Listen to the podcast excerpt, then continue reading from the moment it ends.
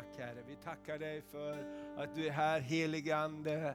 Och du är, du är vår lärare, du är den som öppnar våra ögon, du är den som tar bort täckelset så att vi kan se klart. Och tack för friskhet och, som kommer ifrån dig Herre. Tack att vi alltid får se på dig Jesus. Tack att heligande, du hjälper oss alltid att lyfta blicken för att se på Jesus, för att se på korset, för att se på det du gjorde för oss. Och tack att vi behöver inte leva genom våra omständigheter utan vi får leva Jesus i tro på vad du har gjort för oss. Tack att du är vårt stora hopp. Tack att du är hoppet.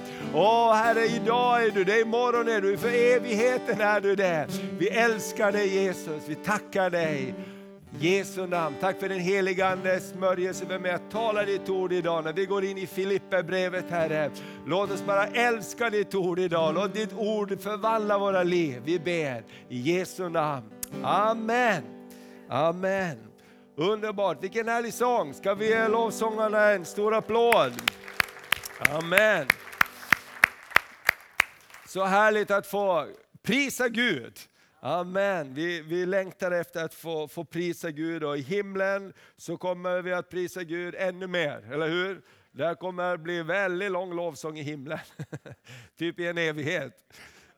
Eh, men det blir härligt. Idag ska vi börja en serie eh, som eh, heter Filipperbrevet, för att det är brevet. Och fyra söndagar ska vi tala ett kapitel varje söndag. Vi kommer att ha en liten break där i mitten för vi får besök av John Raya till exempel. och så, Men vi fortsätter efter det. Så två söndagar nu börjar vi med kapitel 1 och 2. Och det här gör vi tillsammans med familjeförsamlingarna, både i, i Livets Ord, både i, här i Sverige och i Norge. Så det är många församlingar tillsammans i år. Vi gjorde ju det här i fjol också och vi kommer att fortsätta med det. Guds ord är helt fantastiskt. Och Filipperbrevet är ett brev om, eh, om glädje.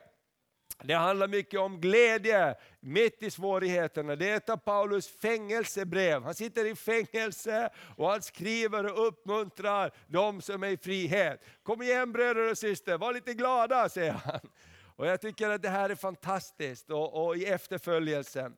Lite grann om bakgrunden till Filipperbrevet. Vi kan ta nästa bild. Här har vi en kartbild av eh, eh Medelhavet då, där Paulus åkte och reste och eh, kan se där en, en eh, liten pil för att det här är första gången Paulus kommer in i Europa. Och vi vet att läser vi Apostlärningarna 15 och 16 så ser vi hur, hur de är på väg, de vill åka och predika evangeliet men, men det stoppar. Det står till och med att Guds ande hindrar dem att åka till andra ställen. Och så på natten så får de se en syn och, och Gud visar sig för dem och, och säger till Paulus att eh, i Makedonien, där finns det behov, åk över till Makedonien till, till, eh, eh, den, den, till den makedoniske mannen som de hörde ropet. Och Det är ganska spännande med Europa, därför Gud älskar Europa. Amen. Och jag tror att Gud kommer att skaka Europa på nytt och, och, och beröra denna stora kontinent med evangeliet. Och därför är det så roligt att få tala om det här. Och mest roligt så, så, så var, eh, Lukas, blev Lukas pastor i, i, i Filippi när Paulus åkte vidare. Det vet man inte helt säkert men man tror det. Så här åker de över eh, och vi kan ta nästa bild. Eh, det är den första församlingen som Paulus eh, bildar i Europa och eh, börjar med synen om den makedoniske mannen. Kom över och hjälp oss. Det här är cirka 52 efter Kristus, så det är ungefär drygt 20 år efter Jesus har dött på korset. Och de är ute och predikar evangeliet i den heliga Andes kraft och de kommer till Europa. Och brevet som sagt var skrevs ungefär 62, 10 år efter han var där första gången. Och, och grundbudskapet i brevet är glädjen i tron. Men jag tänkte så här att innan vi går till Filipperbrevet så kan vi gå till Apostlagärningarna 16. Därför i Apostlagärningarna 16, där börjar storyn om Filipperbrevet. Och eh, eh Paulus gör sina resor och i Apostlagärningarna 16 så är det ett jättespännande Eh, eh, kapitel och vi brukar ibland prata om Apostlagärningarna 16, hur den helige Ande föll över fängelset och skakade alla bojor löstes och allt som händer. Men det här är faktiskt när de kommer över till eh, Filippi. Så du kan ta nästa bild, så läser vi från Apostlagärningarna, det 16 kapitlet, så kan vi läsa från vers 7 till vers 15. Det står väldigt lite där, men om du har din bibel med dig, eller din telefon eller någon annan bokrulle, så kan du rulla upp den. Och så, så läser vi. Då står det så här, eh, ifrån vers 7 i Apostlagärningarna 16. Och när de nådde Mysien så försökte de bege sig till Betynien, men det tillät inte Jesu ande. Då for de genom Mysien ner till Troas. På natten såg Paulus en syn. En man från Makedonien stod där och bad honom, kom över till Makedonien och hjälp oss. När han hade sett denna syn så förstod vi genast Eh, eh, försökte vi genast att ta oss till Makedonien eftersom vi förstod att Gud hade kallat oss att predika evangeliet för dem. Och den här versen tycker jag är så fantastiskt underbart vacker, som handlar om att jobba tillsammans. Paulus såg en syn, men de andra i teamet de kände, nej men det är Gud som pratar till oss här. Och det står det, då försökte vi genast, för vi förstod att Gud hade kallat oss. Och jag tänker så är det mycket i församlingen också. Vi kan höra Guds tilltal. Även om vi inte får det själv så kan vi höra det. Nej, men Gud säger någonting till oss. Det här ska vi göra. Och så står det vidare så här då, i vers 11. Vi la ut från Troas. Vi såg det på kartan och seglade rakt över till Samotrake och nästa dag till Neapolis. Och därefter till Filippi som är den ledande staden i denna del av Makedonien, en romersk koloni. I den staden stannade vi några dagar. På sabbaten tog vi vägen ut genom stadsporten och gick längs en flod där vi antog att det fanns ett böneställe. Och det var ju så att det här, när Paulus nu kom, som var jude, med sina judiska lärjungar, som var kristna och trodde på Jesus, Messias, så sökte de efter ett böneställe. Och mest troligt så var Filippi en stad som inte hade en stor judisk befolkning och ingen synagoga. För på de andra platserna står det att Paulus gick till synagogan först och bad där och, och sökte kontakt. Men här så, så hade man eh, böneställen som, som skriftrullarna sa också för judarna, att ni kan be tillsammans. Och där hittade de det här bönestället där, där, där några kvinnor samlades för att be. Så kan vi fortsätta läsa. Eh, på sabbaten tog vi vägen ut genom stadsporten och gick längs en flod där vi antog att det fanns ett böneställe. Vi satte oss ner och började tala till de kvinnor som hade kommit dit. En av dem lyssnade, som lyssnade hette Lydia. Hon handlade med purpurtyger och var från staden Thyatira. Eh, Hon hörde till dem som fruktade Gud. Och Herren öppnade hennes hjärta. Den meningen älskar jag. Herren öppna hennes hjärta. Har du varit med om att Gud har rört ditt hjärta någon gång? Så Herren har öppnat ditt hjärta, Herren har öppnat mitt hjärta. Plötsligt så ser vi någonting, plötsligt hör vi någonting, plötsligt förstår vi någonting. Och låt det vara vår bön när vi ber för våra, våra egna liv och för människor i Örnsköldsvik och i Sverige. Gud öppna människors hjärtan, för plötsligt så ser man det man inte har sett förut. Plötsligt så hör man det man inte har hört förut, men som alltid har funnits där. Gud rör vi oss. Och det står så fantastiskt, Gud öppnade hennes hjärta så hon tog till sig det som Paulus predikade. När hon och alla i hennes familj hade blivit döpta, kan du säga döpta? Döpta, så bad hon, kom hem till mig och bo där om ni anser att jag tror på Herren. Och så kommer en av de häftigaste meningarna tycker jag, och hon övertalade oss. Vilket gäng! Där är Paulus, den store, store aposteln Paulus, som har skrivit en stor del av Nya Testamentet. Och så är det en liten kvinna som heter Lydia, som står, hon övertalar oss. Jag tycker det är fantastiskt. Det finns en härlig kraft i, i, i det mänskliga hos oss. Hon, var, hon hade någonting och, de, och, och, och de gick hem och så bodde de där. Och Apostlagärningarna 16 är ett fantastiskt, vi kan ta nästa bild. Det är en fantastisk eh, berättelse om, om eh, hur man också berör en stad. Paulus när han kom till Filippi så gick han bara inte rakt in där och började predika evangeliet. Paulus började med att gå till bönestället. Min vän, om vi vill se förändring så börjar det i bön. Hela Filipperbrevet börjar i bön. De bara bad till Gud. De gick dag efter dag står det och bad till Gud. Och Gud började röra vid, vid människors liv. Och så har vi den här spännande berättelsen om flickan med spådomsanden som följde efter Paulus och teamet varje dag de gick till bönestället. Tänk dig att ha en som står och ropar efter dig när du går. Men Paulus står det, han tog illa vid sig och en dag, en av dagarna, inte första dagen, kanske inte andra dagarna, men en av dagarna så står det att han vände sig om och näpste den där orena anden och sa, far ut ur henne, du orena ande. Mina vänner, det finns andar som inte ska vara hos oss som försöker greppa tag om våra liv och strypa friheten och glädjen. De andarna ska vi göra oss av med, eller hur? För vi ska vara fria i den heliga Ande. Kan du säga halleluja då på morgonen? Halleluja! Det finns ett halleluja från himlen som bor på insidan av dig. Och djävulen vill ta det halleluja ifrån dig. Men det är mycket roligare att säga halleluja än gå och vara tyst. Amen. Ska vi pröva igen? Halleluja!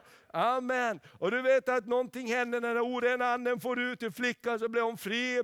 Och någonting underbart hände. Men det står att de köpmännen som hade gjort business på henne, de blev arga. Och så det blev upplopp i hela staden. Och de drog Paulus och de andra och slängde dem i fängelse. Och så står det i Apostlagärningarna 16, vid midnattstid när det var som mörkast, då står det att Paulus och Silas och de andra de började sjunga lovsånger till Gud. Min vän, när det blir så mörkast ska vi inte deppa ihop, utan då ska vi sjunga lovsånger. Halleluja! Paulus var inte ensam, tack Gud, gode Gud att de var två, eller tre eller flera. För de började uppmuntra varandra, låt oss prisa Gud. När det blir deppigt och det blir midnatt i ditt liv, så ring till en vän. Ring till en kompis, sätt på en lovsångsskiva, öka volymen från himlen.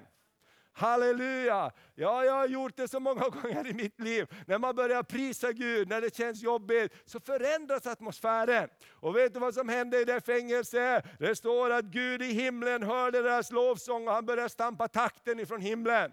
Och när Gud började stampa takten, då löstes alla bojor. Halleluja, och frihet kom. Halleluja, frihet kom! Och det är så underbart att när friheten kom, så kommer friheten också med rättfärdighet. Därför att fångvaktmästaren såg att alla dörrar var öppna och han var redo att ta sitt liv. Därför i romarriket så vaktar man fångarna med sitt eget liv som betalning. Om du inte sköter ditt jobb och fångarna flyr så är det ditt liv som står på spel. Så han var redo att ta sitt liv. Och Paulus ropade inifrån fängelsehålan, gör det inget ont. Vi är alla här. Det är Gud som har gjort någonting. Halleluja! Vet du vad vi längtar efter att se i Sverige, i Norden? Vi längtar att se när Gud börjar skaka bojorna. Amen. Och myndigheterna kanske blir rädda och man får ropa, lugn, det är Gud som gör någonting.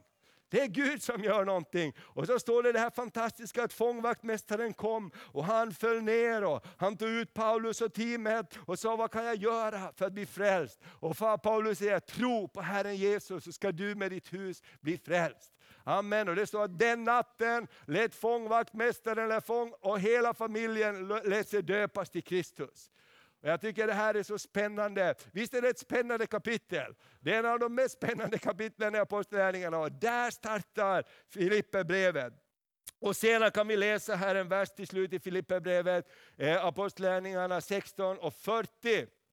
Så står det, sedan när de hade blivit frigivna, för eh, de, de tänkte bara tysta dem, men Paulus sa, vi är romerska medborgare, här gör man inte hur som helst, utan de kom och hämtade ut dem och så står det i vers 40. När Paulus och Silas hade kommit ut ur fängelset gick de hem till Lydia. Du vet, det är underbart att veta vart man ska gå. De gick hem till Lydia, där, de, där, där församlingen fanns. Där träffade de bröderna och gav dem uppmuntran och tröst. Sedan for de vidare. Här börjar Filipperbrevet och i kapitel 20 så står det att Paulus kommer tillbaks och besöker Filippi en gång. Så visst är det ett spännande upplägg för ett helt brev. Och det, det, det, finns en så vacker ton i Paulus brev till Filipperna. Därför att det, det, är inte ett brev där han har fått höra en massa jobbigheter, att ni sköter er inte, vad håller ni på med? Som till korinterna, är ni inte kloka? Ni håller ju på att göra massa galenskaper, skärp er! Utan i Filipperbrevet är det som, som ett relationellt, ett, Paulus skriver till sina vänner. Och i slutet av Filipperbrevet skrev han, det finns ingen som ni som har varit i sån förbindelse med mig ända från första tiden. Och jag ber att Gud, han ska låta all sin nåd överflöda tillbaks till er. Och det som finns så vackert här, och Paulus börjar uppmuntra dem. Så ta nästa bild. Så vi ska prata det här första eh, kapitlet om, om lärjungaskapet och grunden för lärjungaskapet att följa Jesus, det är glädjens fem grundstenar. Glädjen är en andlig kraft. Nehemja 8 och 10 säger, vadå? Fröjd i Herren är vår starkhet. Amen. Jag hittade en smileysgubbe där, jag kunde inte låta bli att, att ta in den. Min vän, vet du vad? Djävulen, han vill stjäla vår glädje. Amen. Det var så kul när vi var på den här Fidjeöarna och stannade till där över dagen. Så, så, ja, vi sa det med Maria, människorna här verkar, verkar, verkar, verkar vara väldigt eh, glada eller till, tillfreds på något sätt med livet. Och, och, och tänkte det, det finns en glädje som kommer från himlen, som inte bara för att det har gått bra idag. Det finns en glädje som kommer från himlen, som är lite djupare, som har sina rötter i att han har betalat priset. Han har gjort någonting för oss. Amen. Så glädje är någonting helt fantastiskt. Och Gud min vän vill att du ska vara glad. Amen. I världen så blir man glad när allting går bra, omständigheterna är bra, då är man glad. Men min vän, Gud är större än våra omständigheter. Amen. Guds rike säger, glädjen är en konsekvens av våra val. Vi väljer att tro på Guds löften. Halleluja. Vet du vad? Att vi kan välja att prisa Herren. Amen. Vi kan välja att gå till Guds hus. Vi kan välja Guds väg.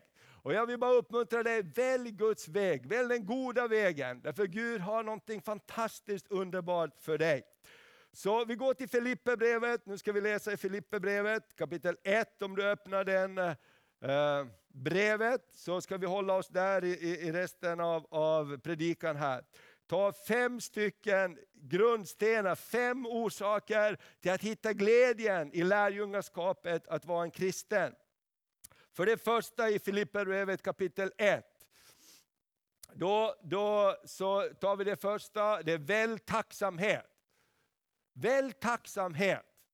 Vi kan välja tacksamhet. Halleluja. Vet du, tacksamhet det är, det är en dörröppnare till väldigt mycket. Halleluja, det, det, är fantastiskt med tacksamma människor. Ibland blir, blir man irriterad på tacksamma människor. För man tycker ju att va, va, vi behöver lite förändring här, men en del är bara tacksamma, de är så tacksamma. Marias mamma är fantastisk, hon är tacksam. Hon är en tacksam människa. Maria är också en väldigt tacksam människa.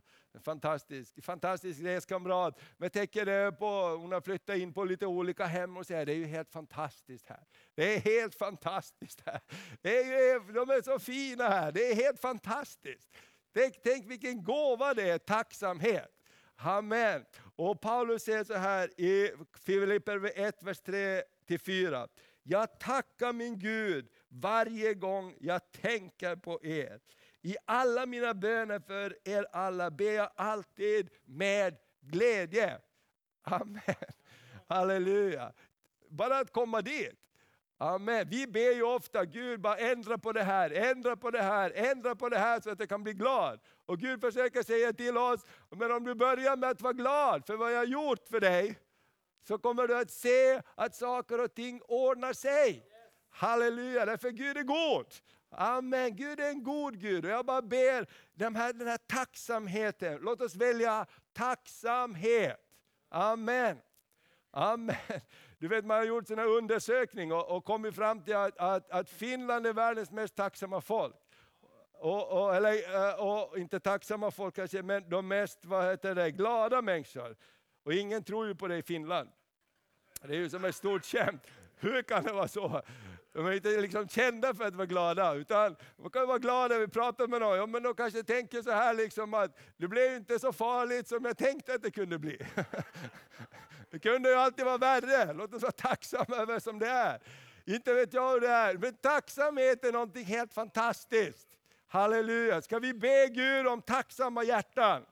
Det du är tacksam för, det, det, det, det tar du hand om. Det du inte är tacksam för, det, det, det, försvinner. Det är en enkel regel. Det som är tacksam, det vi är tacksamma för, det växer i våra liv. Det tar vi hand om.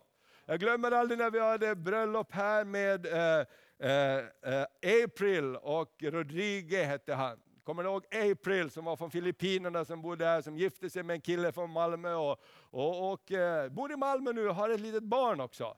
Och när vi hade vigsel så, så var det en kille, en man som körde med sin bil. Och han hade, tror jag, det var en Cadillac som var 70 år gammal så här, 12 cylinder med lång, lång huv. Den var 70 år gammal, den där bilen. Och han sa, jag har jobbat på den, jag vet inte hur många år han hade jobbat på den. Han hittade den i någon lagård. Någon hade inte varit tacksam över den där gamla skrothögen. Vi bara kör in den här. Men den mannen såg någonting annat. Han började bli tacksam. Vilken bil, vilken grej, vilken huv. Man får liksom ha glasögon för att se ändan på den.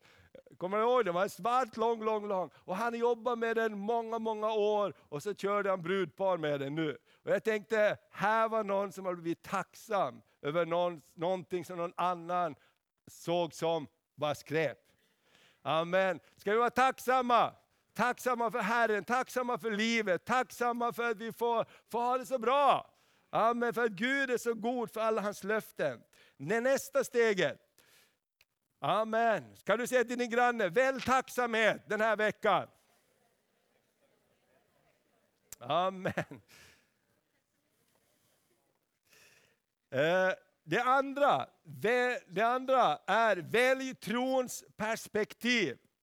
I Filipperbrevet 1 och kapitel, kapitel 1 och vers 6 så står det, och jag är övertygad om att han som har Börjat, kan du säga börjat? Börjat ett gott verk i er också skall fullborda. Kan du säga fullborda? Amen. Välj trons perspektiv. När Paulus bad för, för vännerna i Filippi och tänkte på dem så sa han så här, Gud, jag är helt övertygad om att det du har börjat, det kommer du att fullborda. Ibland i livet så händer det många olika saker. Det blir inte alltid som vi har tänkt. Saker blir inte och går inte lika fort som vi har önskat att det ska gå. Det blir inte de resultat alltid som vi önskar. Men att ha ett trons perspektiv gör att vi hittar trons vila. Amen.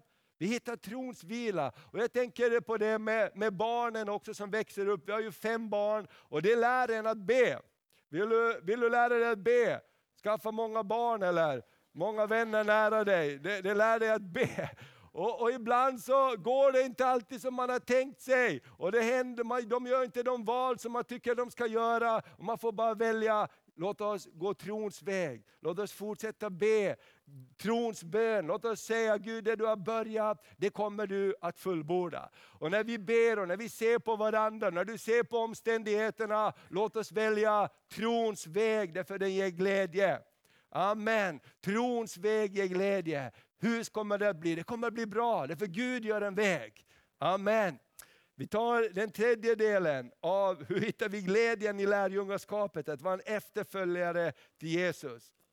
Välj att låta kärleken överflöda.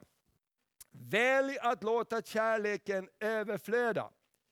Vi kan välja att låta kärleken överflöda. I Filipperbrevet 1 och 9 så står det, och min bön är, min bön är att ett kärlek ska överflöda mer och mer. Och så säger han så här, och leda fram till insikt och klart omdöme. I vers 9, ser du vers 9? Min bön är att er kärlek mer och mer ska överflöda och leda er fram till insikt och klart omdöme. När kärleken får överflöda så ger det klarhet. Det grekiska ordet för överflöd, alla greker kan uttala det. vad står det? Periso. Ja, kan du uttala det? Jättebra. Hur många kan tänka det? Det betyder att gå långt utöver det nödvändiga. Jag ber er, er kärlek ska gå långt utöver det nödvändiga. Amen. Du vet när Paulus talar om ge ett överflödande mått, så betyder det ett överflödande mått som flödar över. Eller hur? Någonting som inte är bara nätt och jämnt, utan det flödar över. Halleluja, det är Guds kärleksperspektiv. Och jag tänker så här, låt oss ha det hjärtelaget i, i glädjen att låta kärleken överflöda. Amen, att ha en välsignande attityd. Gå långt, eh, långt över det nödvändiga. Jag tänker på det som Herren kallar dig och mig till, att vi ska vara en välsignelse för den här staden. Vi ska vara herdar för den här staden. Föd mina lamm. Herren har kallat oss att välsigna. Och jag tycker det är så häftigt, det har talat till mig när vi har besökt de här olika församlingen, församlingarna, vilken ande och, och hjärta av generositet. Speciellt i Dallas, där i Gateway Church, så, så har de en fantastiskt generös ande. De ger ungefär 200 miljoner kronor varje år till mission. Men vet du vad? De tar, in, de tar inte upp offer i gudstjänsterna. Det är ingen offerbox som går. Den pastorn under, har undervisat om tionde och givande, välsignelsen att vara en givare. Så när du går ut ur gudstjänsten så finns det sådana boxar på dörrarna där du kan lägga ditt tionde. Och idag så skickar ju de flesta in. Och jag tänkte det, därför att att en ande av att vara generös, att överflöda i kärlek, vem kan stoppa det? Vem kan stoppa det? Det står att en gåva tystar munnen på dina fiender. Amen. Om du istället för hat välsignar någon, så händer det bra saker. Om vi kan vara givare till den här staden, och jag bara längtar efter att vi ska få ge till den här staden och till, till, till det som är runt omkring oss, mer och mer och mer. Därför det händer någonting med oss när vi ger. Vi tar den fjärde. Välj vad som är viktigt och inte viktigt. I Filipperbrevet 1 och 10 står det, så att ni kan avgöra vad som är viktigt. Så att ni kan avgöra vad som är rätt och vara rent och, rena och fläckfria på Kristi dag. Välj vad som är viktigt och inte. Du vet, det finns många saker som är viktiga, men det finns sådana saker som är ännu viktigare.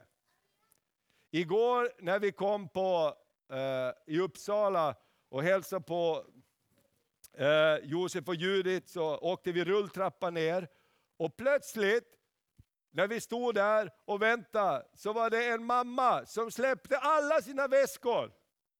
När hon skulle gå ner i rulltrappan. Alla väskor bara runt om där. Och så sprang hon efter det, för hon hade en liten knadde så här som hade gått rakt ut i rulltrappan.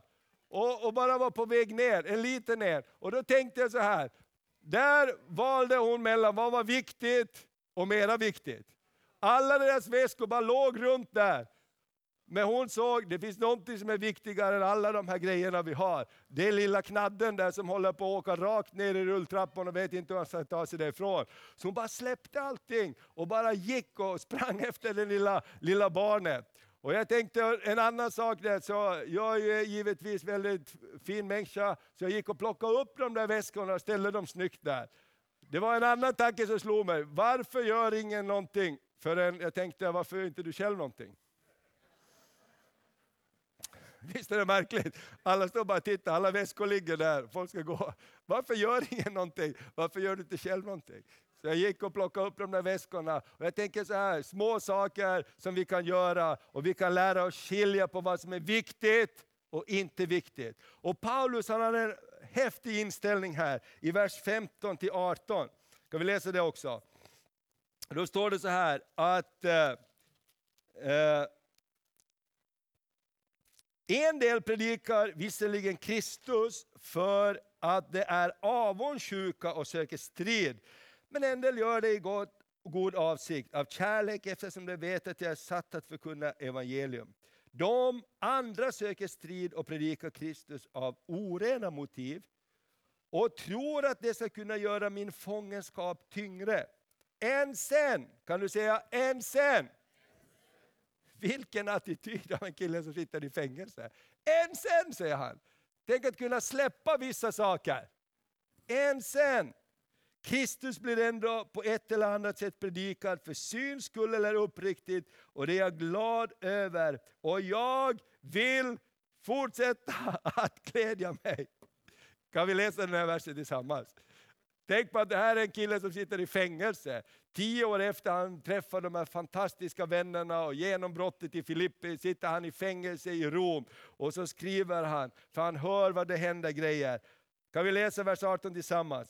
Än sen, Kristus blir ändå på ett eller annat sätt predikad, för syns skull eller uppriktigt. Och det är jag glad över och jag vill fortsätta att glädja mig. Amen. Halleluja. Kan du säga till din granne, jag vill fortsätta att glädja mig. Amen, jag vill fortsätta att glädja mig. Halleluja, det finns alltid orsak att glädja sig. Tänk att Paulus sa det, ändå vi vill bara hålla på och, och, och, och göra det för dåligt syfte, än sen Kristus blir predikad. Amen, Kristi perspektiv. Ska vi ta den sista också? Den sista punkten är, välj att räkna med himlen. Det finns en glädje som övergår allting annat. Det är att ha himlen i sitt hjärta. Att ha himlen i sitt hjärta. Att ha himlen i sitt hjärta. Att vara uppfylld med det himmelska, det är större än någonting, någonting annat på den här jorden. Att ha ett himmelskt hopp. Halleluja! Amen, att vara barn till en kung. Att, att ha ett himmelskt hopp, det är större än någonting annat. Och min vän, du vet att man kan gå igenom många saker, men så länge du har himlen i ditt hjärta, så har du en källa till glädje som är större än någonting annat. Det talas om en av eh, troshjältarna som, som eh, blev en martyr för Kristus och han var i fångenskap och han bara fortsatte att prisa Gud och de bara straffade honom mer och mer. Och till sist satte de honom ner i latin, en latrinbrunn där, där avföringen kom från det här fånglägret. Och för att det inte skulle stelna till så fick han gå nere i den här brunnen. Och han fortsatte att förundra fångvaktarna, för han gjorde den här latinbrunnen till en katedral, sa han. Tänk att få prisa Gud här. Och han gick runt där och prisade Gud och tackade Gud för Guds trofasthet, för att ha himlen i sitt hjärta. Du vet att hur tar du ut himlen ur en människas hjärta? Så länge fienden kan slänga det ena och andra på oss, men så länge vi bevarar himlen i vårt hjärta, så har vi en källa till glädje som är större än någonting annat. Halleluja! Himlen är en fantastisk plats. Du och jag, vi är på väg dit. Och varje motgång vi möter, varje val vi måste göra, låt oss alltid väga himlens perspektiv på den ena sidan. Jag har himlen i mitt hjärta, det är viktigare än någonting annat. Jag har himlen, jag är på väg till himlen. Och Paulus säger så här, ska vi läsa de sista verserna från vers 21 till vers 25. Då står det så här, Ty för mig är livet Kristus och döden en vinst. Men om livet här på jorden innebär att mitt arbete bär frukt, då vet jag inte vad jag ska välja. Jag dras åt båda hållen. Jag skulle vilja bryta upp och vara hos Kristus, det vore mycket bättre, bättre för mig. Men för er skull är det nödvändigt att jag får leva kvar. Och då, jag är övertygad om det, vet jag att jag ska leva och bli kvar hos er alla och hjälpa er till framsteg och vadå? Glädje i tron. Amen. Halleluja! Paulus säger, jag vet att jag ska få hjälpa er till framsteg och glädje till tron. Räkna med himlen på alla dina vägar. Och vet du varför det är? Jag tänkte så här, vet du varför det är så viktigt att vi prisar Gud? Därför att det är en försmak av himlen. när vi kommer tillsammans på söndagen, det är en sak som uppmuntrar mig på den här resan. Sätt gamla och unga stå med upplyfta händer och prisa Gud. Låt inte lovsångsstunden på förmiddagen när du kommer bli liksom en passage till predikan eller någonting annat. Låt det bli en stund när du förlorar dig i Kristus. Amen. Du kan bara blunda, du kan se på Herren. Sångerna kan du efter en stund, det handlar om att älska Jesus, de flesta sångerna. Och, och bara ta tillfället, bara älska Jesus. Halleluja, så kommer du att gå hem oberoende hur bra eller dålig predikan var. Har du älskat Jesus, så går du hem med himlen i ditt hjärta. Och det är viktigare och dyrbarare än någonting annat. Och vet du vad, har du himlen i ditt hjärta, så är det det du kommer att smitta andra med. Amen. Har du himlen i ditt hjärta så är det det som kommer att komma ut ur ditt liv. Och har du fylld av problem och tänker på alla jobbigheter så måste du komma ihåg vad Paulus sa. Än sen. Än sen då. Och när vi fyller oss med himmelsk glädje, då har vi någonting som attraherar människor runt omkring oss. Prisat vare Herren! Ska vi ge Jesus en applåd? Amen. Tack Herre. Amen. Halleluja! Låt oss räkna, låt oss ställa oss upp tillsammans och bara prisa Jesus och tacka Herren, tacka Herren. Halleluja, den här veckan som kommer så tror jag att du får orsak att välja att tacka Gud eller låta bli att tacka Gud. Och då ska du välja att Amen, tacka Gud. Amen, tacka Gud för att vi får snö snart. Amen, det betyder att våren är på väg. Amen. Tacka Gud, halleluja, för han är på din sida. Vi ska prisa Herren tillsammans här och jag vill bara att till avslutning på den här gudstjänsten så ska vi praktisera att prisa Herren. Halleluja, låt oss praktisera som Bibeln säger, Paulus säger, överallt vill jag uppmuntra männen att lyfta heliga händer. Halleluja, ska vi praktisera? Kan vi lyfta händerna, både män och kvinnor? Halleluja, vi tackar dig Herre. Vi tackar dig, vi släpper bojorna, vi släpper bojorna, vi släpper bojorna. Och vi säger en sen då, vi tänker fortsätta att prisa Herre och bli uppfyllda av himmels glädje. Och vi bara tackar dig, du är större än varje omständighet, du är större än utmaningar vi går igenom. Du är större än sjukdom som försöker grina oss i ansiktet, du är större än problem, du är större än allting annat. Och Åh, vi vill älska dig Herre, vi prisar dig Herre. Låt oss prisa Herren. Halleluja. Jesus, du förtjänar allt. Åh, Jesus, du förtjänar allt. För du har skapat allt och allt är skapat för du ska få all ära. Halleluja. Sjunger igen. Jesus, du förtjänar allt. Jesus, du förtjänar allt.